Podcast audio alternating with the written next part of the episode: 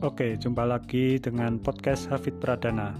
Pada episode kali ini aku akan bawakan sebuah introduction dengan tema baru yaitu belajar sejarah.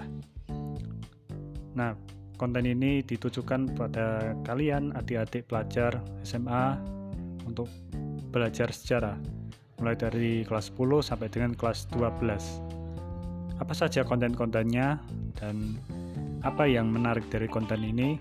Stay tune terus ya. Jangan lupa share konten ini di sosial mediamu. See you.